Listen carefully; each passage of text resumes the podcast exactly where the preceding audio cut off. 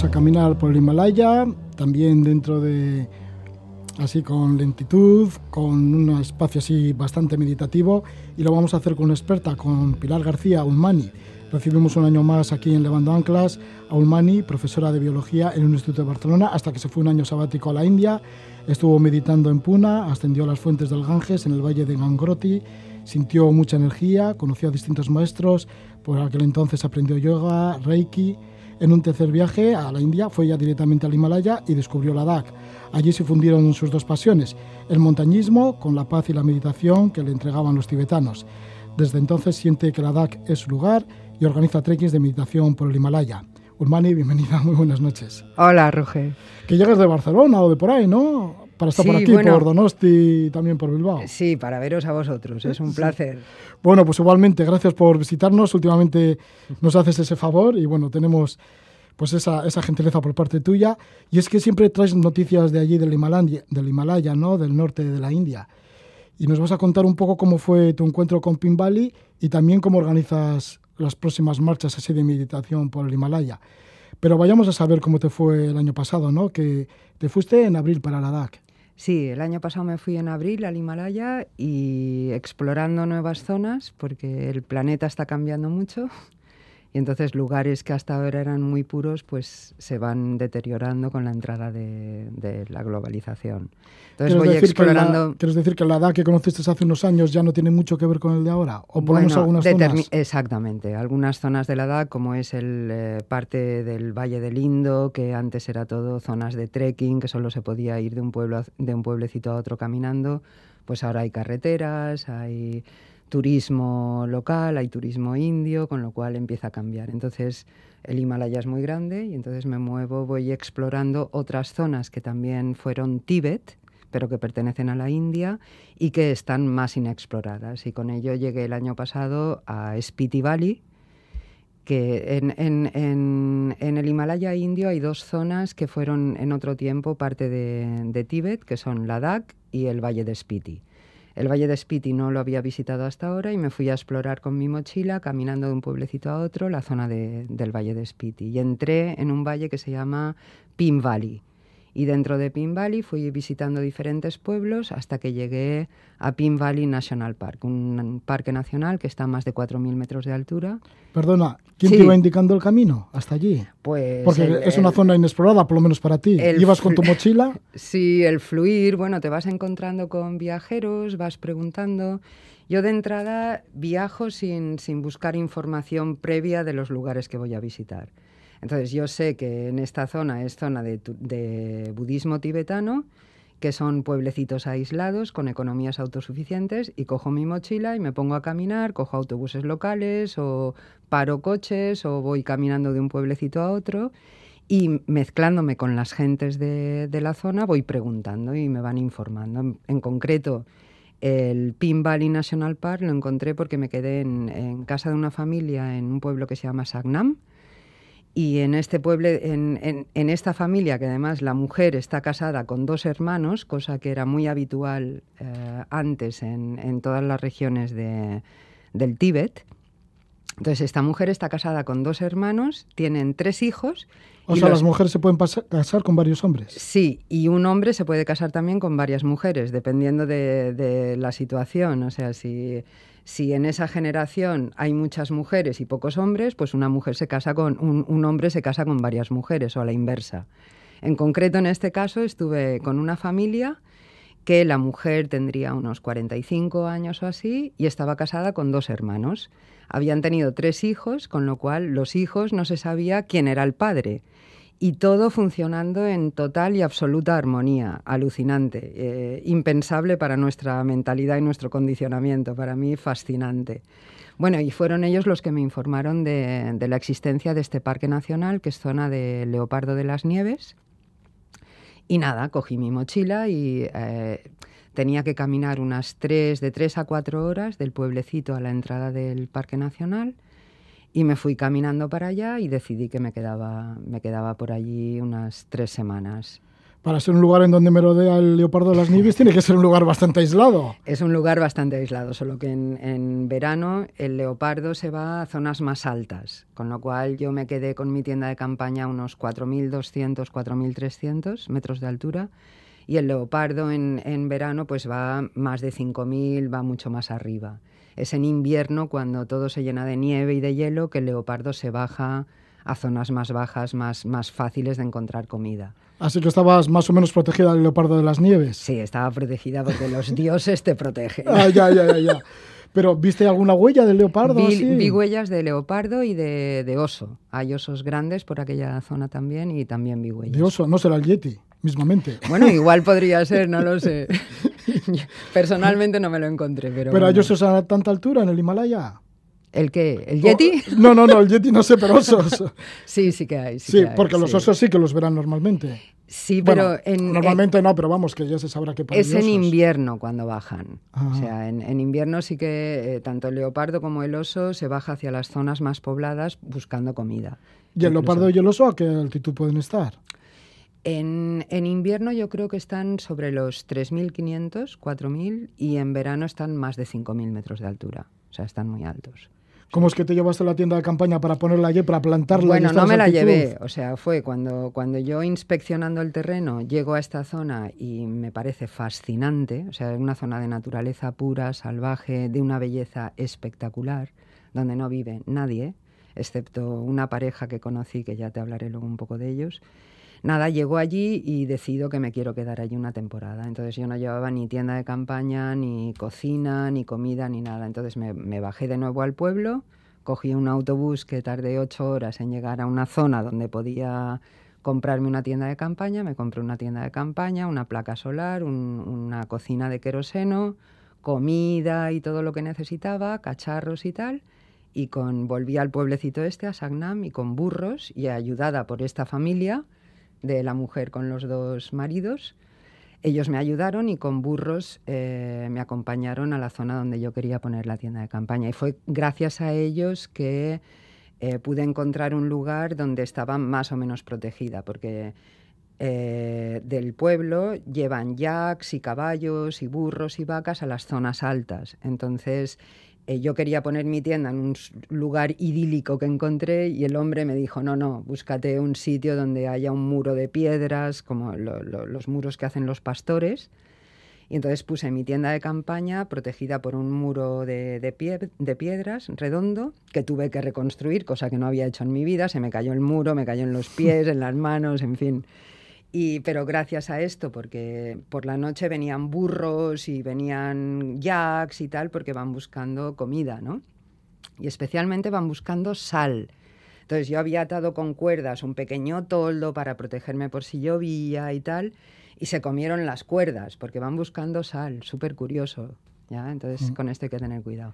Y bueno, me pasé allí tres semanas en medio de naturaleza salvaje, sí, súper chulo. Ya, tiene que serlo, pero es, o sea, que ha sido como una especie de autorretiro. Te, ibas tú a retirar a algún sitio, ¿no? Sí. Y encontraste este lugar. Eh, mm, bueno, es... ¿O fue que fue pasando me, las cosas? Me vino claramente, sí. O sea, fue llegar a este sitio y, y yo quería experimentar este contacto con la naturaleza y con, y con la esencia, con lo divino. O sea, yo suelo decir que en estos lugares puedo escuchar a Dios, por ponerlo en palabras, si, si esto hace sentido y se entiende. Y, tuve momentos de...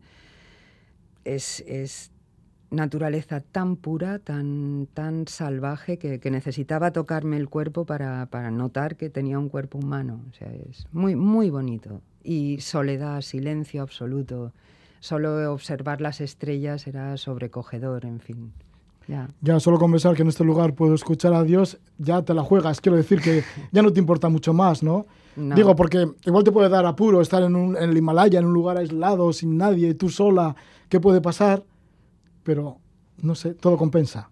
Sí, o sea, creo que me has entendido perfectamente. sí, sí. ¿Y te quedas? ¿Y, qué sucede? Porque van pasando los días, así estuviste tres semanas. Estuve tres semanas, sí. Entonces hay una parejita que estaban a 20 minutos caminando de donde yo puse mi tienda y esta pareja pasa los veranos cultivando unas tierras que ellos tienen en esa zona. El hombre, un hombre de 47 años totalmente educado, hablaba inglés perfectamente, pero él elige la vida simple y de conexión con la naturaleza. Ellos son del pueblecito de Sagnam. La mujer eh, lo único que hablaba era la lengua de, de Spiti y la mujer era como un animalito salvaje, totalmente conectados con la montaña, con la naturaleza, con la esencia de la vida. Es que no, no sé decirlo de otra manera. Sobrecogedor, alucinante. Personas bellísimas y con ellos me tomaba un té cada día con la leche de vaca que ellos ordeñaban y tal. Y bueno, ¿qué pasaba? Pues no pasaba nada. O sea, yo me dedicaba a caminar por la montaña y a conectarme con la naturaleza, con la nada, con el vacío, con el silencio puro.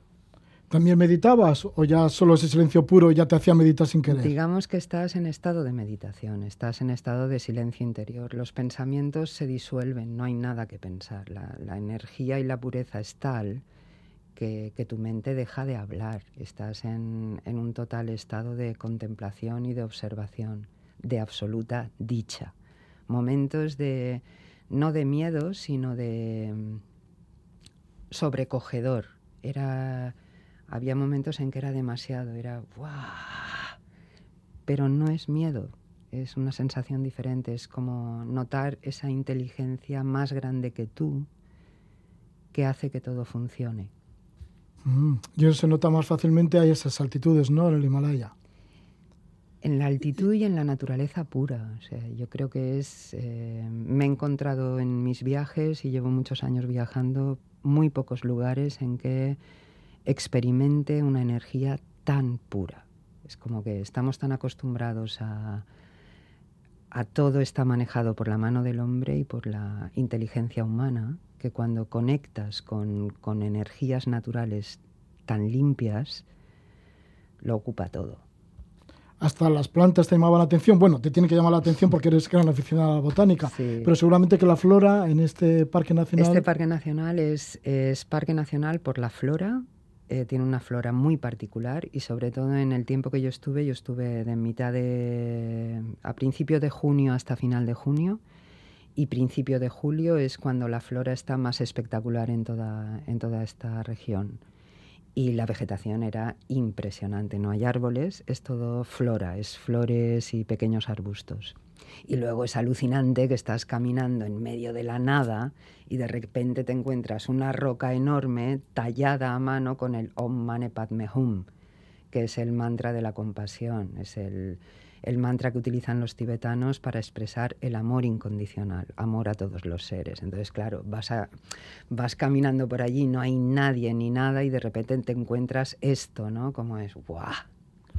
No me digas, bueno, tremendo, sí.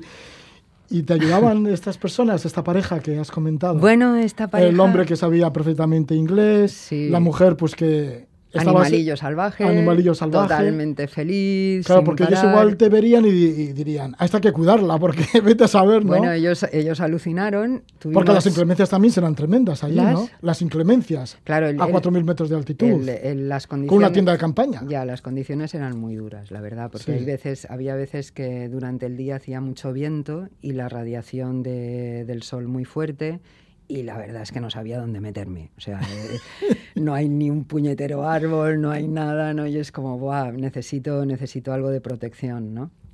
Entonces ellos me ayudaron mucho, eh, cada tarde me iba a tomar una taza de té con ellos y algunas veces que yo hacía rutas más largas y no me daba tiempo a volver a las 5 de la tarde para la taza de té, pues a lo mejor por la noche, a las 8 o las 9 de la noche me venían con la linterna, hey, oye, ¿estás bien? ¿Te ha pasado algo? ¿No? O sea, fue... Y de hecho ellos me han invitado a que, a que me construya una casa en su terreno y que pase tiempo con ellos. Y muy bonito, muy bonito. Gentes muy limpias. Así que tienes otro lugar en el mundo, otra invitación por lo menos. Sí, sí, muy chulo. Y luego por ahí que hay rebaños de jazz, de caballos salvajes, sí, no sé. En, en este pueblecito en Sagnam, durante, durante muchos años, eh, para conseguir dinero, lo que hacían eran, criaban unos caballos que antes he intentado acordarme cómo se llaman, pero no me acuerdo, que son muy famosos en el resto de la India. Entonces, en verano llevan estos caballos a, a las zonas altas Y entonces, eh, para que pasten en las zonas altas. Entonces es súper curioso porque, claro, el leopardo puede atacar a los pequeños potros. Entonces, en el pueblo, eh, una familia puede que tenga dos caballos, otra tiene 20 o lo que sea, ¿no? Pero entonces en el pueblo, en Sagnam, se van turnando para que cada tres o cinco días haya dos personas que están en los campos altos cuidando de, a, los caballos para que no ataque el leopardo, ¿no? Y es todo un trabajo comunal. O sea, todos los meses, los, los cinco meses de verano, se van turnando de una familia a otra para acudir a las zonas altas y encargarse de los rebaños de los caballos. Ulmani nos está comentando cómo, cómo llegó a este parque nacional, ¿no? al, parque nacional de Peel Valley, en donde merodea el leopardo de las nieves y hay una flora y, bueno, pues fantástica, distinta a otro lugar. Y allí estuviste durante tres semanas con tu tienda de campaña, en la compañía a 20 minutos caminando de nativos. De, Sampo. De Sampo, y su mujer. De Sampo y su mujer. Y bueno, y luego pues te entretenías también cinco horas de caminata todos los días, más supongo que el tema de la meditación y ese contacto con esa energía que, que te despierta a otro nivel, ¿no? Que te lleva a otro nivel, por lo que cuentas. Sí, sí. A, a, la dimensión, yo creo que la dimensión puramente humana, más allá del pensamiento. Sí, esa dimensión que igual hemos perdido, ¿verdad? Siendo tan urbanitas. Y yo creo que sí. Sí, desde luego. Y entonces en una naturaleza pura, de repente pasan, algo, pasan cosas que, bueno, que experimentas paz. Mm, experimentas paz. Y plenitud y bienestar. Sí.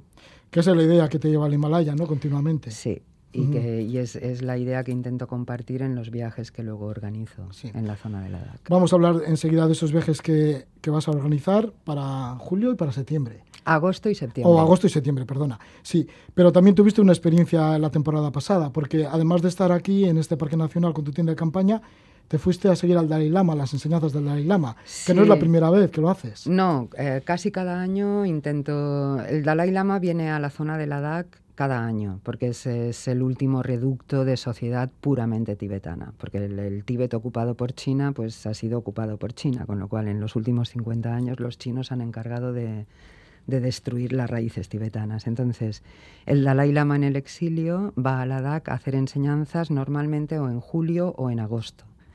Y este año yo me enteré, yo estaba en, el Pin Valley y por casualidad total me enteré, eh, una vez que bajé al pueblecito, me encontré con alguien que me dijo que el Dalai Lama iba a dar enseñanzas en Padum. Padum es la capital del valle de Sanskar, que es el valle más aislado de Ladakh, donde ahora hago mis viajes. Y es una zona de, todavía de pueblos no globalizados, de gentes de economías autosuficientes, gentes que viven en total contacto con la montaña, desde como, como han vivido desde hace siglos.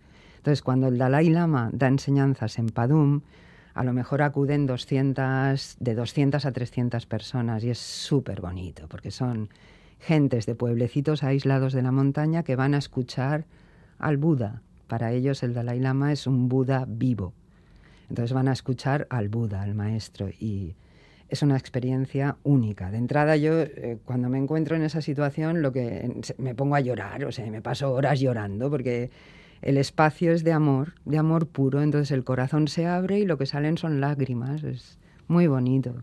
Mm. Sí. Te subiste en la moto y te fuiste para allí, para Padum, para la capital de Zaskar, a ver al Dalai Lama y sus enseñanzas y escuchar sus enseñanzas. Esto fue en julio, entonces eh, Cogí una Enfield, que es la, moto que los ingleses fabricaron en los tiempos de la colonización inglesa. Y un clásico, vamos, esa moto. Un clásico. Esto, ¿Y tienes una moto allí? Sí, tengo, tengo una moto que es totalmente mecánica, entonces como vas a de 60 a 80 kilómetros por hora como mucho. ¿eh? Pero tienes la sensación de, que vas en una moto gorda y ir con esa moto por los Himalayas es fantástico. Lo que ocurre es que en julio es donde se da el mayor deshielo de, los glaciares y entonces eh, la carretera, que es una, para entrar en Sanskar, es una carretera de tierra, un montón de piedras, rocas y tal. Entonces hay ríos que, se crean en el mes de julio por, el deshielo y entonces tienes que cruzar ríos.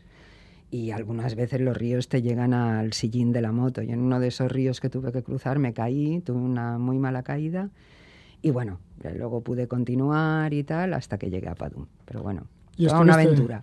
Allí con el Dalai Lama. Y además me voy sola, ¿eh? O sea que, de repente se me cae la moto, una moto que pesa mogollón, está en medio del río, me tengo que esperar a que pase alguien, a lo mejor pasa una hora y no ha pasado nadie. Entonces, que me ayuden a levantar la, la moto y tal, sí. Bueno, fortaleza... Y me encontré con el Dalai Lama. Ya, fortalece la ilusión de encontrarte con el Dalai Lama, que eso ya puede con todo. Bien, pues vamos a hablar un poquito de los trekkings que preparas para este, este verano. Como siempre, ¿no? Porque ya llevas ya un montón de Bueno, este será de temporadas, el, ¿no? El décimo año. El décimo año, mm. fíjate. De momento lo podemos hacer. No sé cuánto tiempo va a ser posible porque el planeta está cambiando mucho y muy rápido. Y yo solo puedo hacer este tipo de viajes mientras considere que se mantiene puro y auténtico. En el momento en que esto cambie, pues supongo que, que dejaré de hacerlo, pero de momento todavía nos encontramos con esta pureza. Y son estos Himalaya Meditation Tour que organizas. Himalaya Meditation Tour. O sea que se combina la montaña, el trekking con la meditación. Exacto. La base es viajar por zonas de naturaleza pura de sociedad tibetana que creen en la iluminación y en el camino de la compasión, del amor incondicional, liberación del sufrimiento. Y eh, el viajar explorando, el viajar con una mente presente, abierta e inocente. Este es todo el enfoque. Entonces, dejarnos de historias, dejarnos de información y explorar la pureza de, pueblos del planeta que interpretan la vida de otra manera, que no es la manera del consumo y del capitalismo y de tener más, más, más, y que creen en la liberación total del sufrimiento, en la total plenitud del ser humano que el ser humano pueda alcanzar esto. ¿De dónde se parten? ¿Dónde empezáis a meditar y a caminar? Vale, eh, el grupo se encuentra en Delhi, en la capital de la India, y, de Delhi volamos a Leh, que es la capital de Ladakh, que ya está a 3.500 metros de altura. De allí nos vamos a Likir, a un pueblecito auténticamente ladaki, a 50 kilómetros de Leh, y empezamos con un retiro de meditación y silencio de tres días. Entonces, el grupo, las personas vienen de diferentes países. en, este, este año, las personas que, se han ido apuntando es muy internacional, por ejemplo. El máximo de personas que cojo por grupo son 12. Y entonces las personas... ¿Todavía hay tiempo para apuntarse? Sí, quedan poquitas plazas. Bueno, luego damos el contacto. Y, y, entonces las personas nos vamos a conocer unos a otros desde el silencio, desde la presencia, sin máscaras. Entonces practicamos, es una manera de durante estos tres días dejar nuestra mente en casa y abrirte a experimentar el momento con una mente limpia y abierta. Luego se visitan después de estos días de meditación monasterios y se camina mucho, ¿no? exactamente, visitamos diferentes monasterios, toda la región de Ladakh está llena de monasterios tibetanos eh, colgados de las montañas, aislados, todavía monasterios vivos, es decir, que que todavía hay una comunidad de monjes, tanto jovencitos como más mayores, que viven allí. Y visitamos y meditamos en diferentes monasterios alucinantes. Visitamos diferentes valles, como el Valle de Nubra, que es una parte de la Ruta de la Seda. Cruzamos el desierto de Dunas a 3.200 metros de altura. Y luego hacemos un trekking que cruza del Valle del Indo, de un pueblecito que se llama Kanji. Es un pueblecito mm, como si te trasladaras 500 años atrás un pueblecito muy auténtico, la aquí. Y vamos del Valle del Indo, desde Kanji, a Randum, que está en el Valle de Sanskar. Entonces cruzamos el Himalaya durante cuatro días. Apoyados por yaks y caballos. Llevamos yaks, llevamos una comitiva de unos 13 yaks. El año pasado llevábamos 13 yaks y cuatro caballos porque el pueblecito en el que empezamos, que es Kanji, trabajan con yaks. Entonces eh, yo cojo gente local para que nos...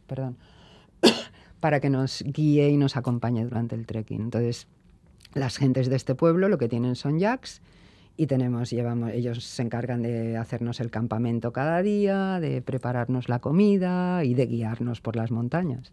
¿Cómo se camina y medita? Porque a veces vas caminando, no verás esos paisajes tan bellísimos que te puedes encontrar en el Himalaya hmm. y ahí te quedarás, no sé, como, como perplejo y tal, ¿no? Pero luego, cuando vas caminando, vas meditando también. Bueno, la cosa Caminar y meditar, eh, meditar es tu verdadera naturaleza. Meditar es simplemente estar, dejar de opinar, de emitir ningún juicio, ninguna opinión de si qué bonito, si feo, que si estoy cansado, sino cuando llegamos.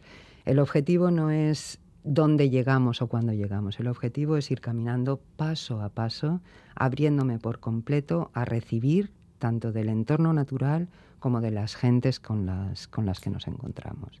Entonces esto es meditar y caminar. ¿Dónde termina el recorrido? El recorrido termina en Randum. Randum es, eh, ya está en el valle de Sanskar, que para mí es mi valle favorito, el, valle más aislado de Ladakh. Y, Randum, es un, circo glacial, exactamente. Randum es un lugar espectacular, o sea, energéticamente, como belleza, es inmenso, tiene un monasterio muy pequeñito, eh, que viven en este momento creo que son cinco monjes.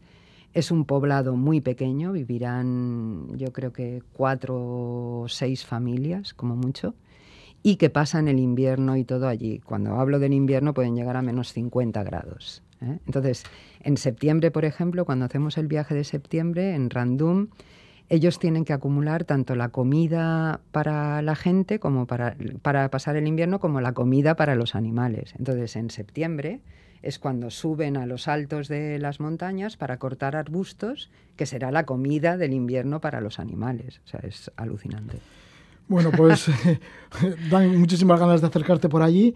Para el que se quiera apuntar a estos Himalaya Meditation Tour, ¿cómo lo puede hacer? Bueno, pues podéis entrar en la página web que es www.himalayameditationtour.com o me podéis llamar por teléfono al 651 780 561.